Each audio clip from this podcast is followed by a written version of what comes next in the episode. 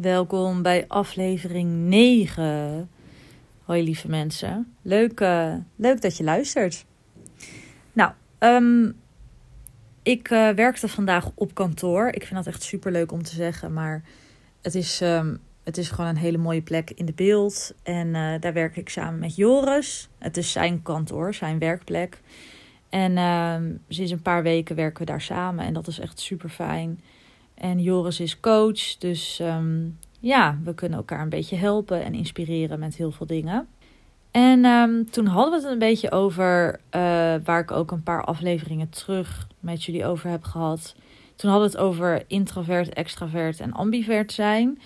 En um, uh, toen vroeg hij, en dat vond ik wel een hele leuke vraag, van vind jij dat je minder sociaal bent geworden zonder alcohol?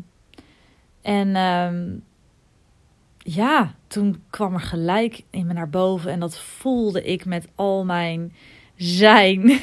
voelde ik, het kwam echt vanuit mijn hart van nee, ik ben veel socialer geworden zonder alcohol. En toen dacht ik van ja, ik ga hier even een podcastaflevering over maken, want dit is, dit is echt leuk. Dit is echt weer het nieuw inzicht. Want ik kwam er toen achter dat ja, ik ben veel socialer nu ik niet meer drink. En um, ja, hoe kan dat nou precies? Nou, uh, ik zal je even een beeld schetsen van uh, mijn, hoe mijn drankgebruik was. Nou, mijn drankgebruik was vooral sociaal. Dus uh, een terrasje, met uit eten gaan, met dingen vieren, zoals verjaardagen, kerst, Sinterklaas, oud en nieuw, vakanties, dates, nou, et cetera, et cetera, noem maar op. En ik was een beetje het type binge drinker. In die zin, ik was niet per se altijd helemaal katslam. Maar ik kon wel moeilijk maat houden. Eén biertje of één wijntje, dat bestond niet, zeg maar. Ik, ik snap niet hoe mensen dat kunnen. Maar ik vind het heel knap als je het wel kan. Ik kan het niet. ik wilde altijd wel meer. Nou, ik uh, zie mezelf als een ambivert persoon zeg maar, ik hou van mensen. Ik vind mensen heel erg leuk. En ik heb ook echt ontzettend lieve, bijzondere mensen, vrienden om me heen. En daar ben ik heel dankbaar voor. En um, alleen, ik ben ook wel heel gevoelig. En daarom heb ik ook wel uh, tijd nodig om op te laden en om alleen te zijn. En ik vind alleen zijn heel erg fijn ik krijg daar heel veel energie van. Ik word er creatief van. En ja, ik heb dat gewoon heel erg nodig. Dus ik heb eigenlijk een beetje een balans van allebei. Want als ik ja, uh, twee dagen met niemand afspreek, dan, uh, dan word ik ook, uh, ja, dan merk ik ook dat me dat niet goed doet. Dus ik heb echt een beetje allebei nodig. Toen ik nog dronk, toen ehm, bestonden, zoals ik al zei, heel veel ehm, afspraken met mensen bestonden ook vaak uit drinken. Of dat draaide ook nou ja, het draaide niet om alcohol, maar ik vond het zelf, kwam het me natuurlijk wel heel fijn uit dat er alcohol bij gedronken werd. En uh, waarom kwam me, dat, kwam me dat nou fijn uit? Nou, daar ben ik later pas achter gekomen. Uh, omdat ik dat toen niet wilde zien of durfde te zien of niet helemaal eerlijk over was naar mezelf. Maar ik vond alcohol wel een heel lekker middel om uh, te kunnen ontspannen. En om ook een beetje een bepaalde soort krampachtigheid weg te halen. Nou, en wat bedoel ik daar nou mee? Nou, um, ik heb toch altijd wel in uh, sociale situaties, en dat is in afgelopen jaar is dat heel erg veranderd, maar daar zal ik zo even wat over vertellen. Maar ik had altijd wel een bepaalde mate van krampachtigheid. Um, en een, een soort verhoogde spanning als het om, uh, om mensen ging. En um, daar ben ik dus achter gekomen op het moment dat ik stopte met drinken. Omdat je het dan natuurlijk recht in de ogen aankijkt. En je aankijkt. En je hebt geen vluchtmiddel meer. Je hebt geen verdoving meer. Dus je moet er wel iets mee. Nou, en toen ben ik ook in therapie gegaan. En uh, toen kwamen we er. Het is een heel lang verhaal. Maar zeg maar kort gezegd kwamen we erachter dat. Uh, uh, dat er als kind zijn er dingen gebeurd waardoor ik het gevoel heb dat ik er niet helemaal mag zijn. Of dat mensen uh, me niet goed vinden of me raar vinden. En um, ja, en, en dat vind ik soms lastig. En voor mij was alcohol dus een heel lekker middel om uh, los te komen, lekker sociaal te zijn, veel te kunnen praten, lekker ontspannen. En um, dan, dan voelde ik dat angstige niet meer. En ik moet wel zeggen, kijk, het verschilde natuurlijk ook wel een beetje met wie ik was. En natuurlijk had ik ook wel mensen om me heen waar ik me wel helemaal bij, op mijn gemak bij voelde. Maar zeg maar, net een beetje dat, dat, die drankjes erbij en dat aangeschoten worden, dat kwam me wel heel goed uit. En stiekem vond ik het ook wel, had ik het ook wel een beetje nodig. Um, en daar ben ik dus allemaal pas achter gekomen toen ik stopte.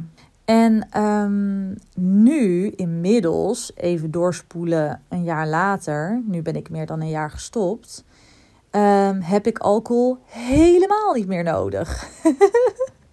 ik ben er helemaal vrij van, los van. En, en er is nooit meer een moment dat ik denk in een sociale context. En alleen trouwens al helemaal niet. Maar dat ik denk van, oh, had ik maar uh, alcohol of kon ik me maar verdoven.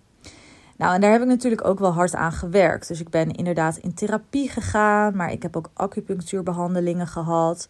Ik ben sowieso het afgelopen half jaar, het afgelopen jaar eigenlijk wel door een best wel ja, diep proces gegaan. Ik heb ook een paar maanden behoorlijk last gehad van long covid.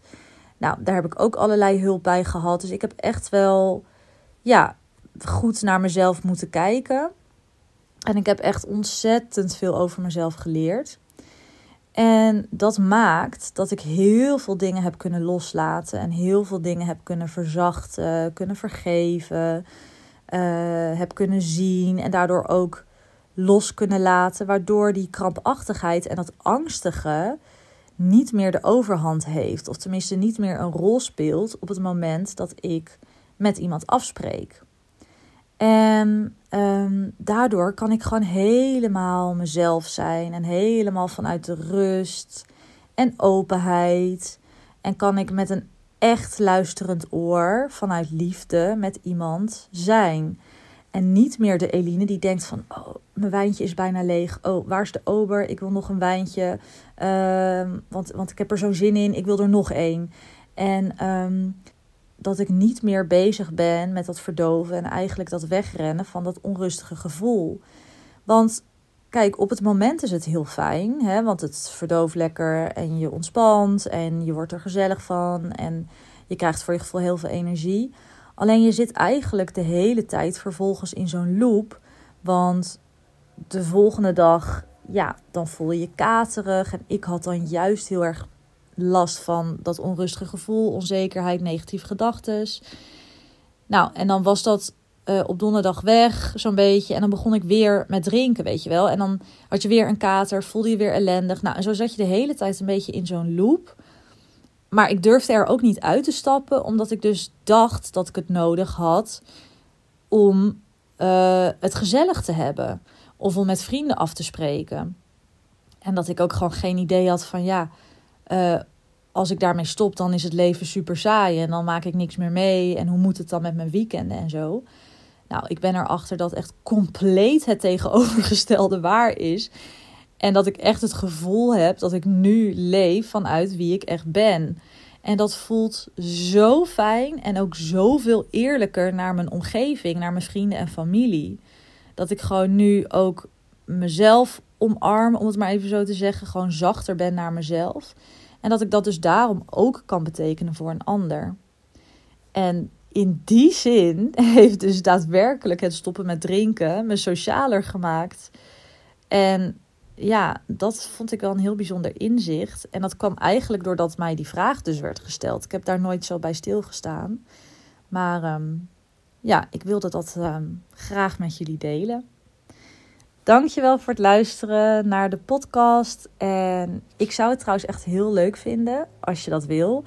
Um, als je een review achterlaat of uh, de podcast sterren geeft. Um, want dat, uh, dat helpt mij weer. Nou, heel erg bedankt. Doeg!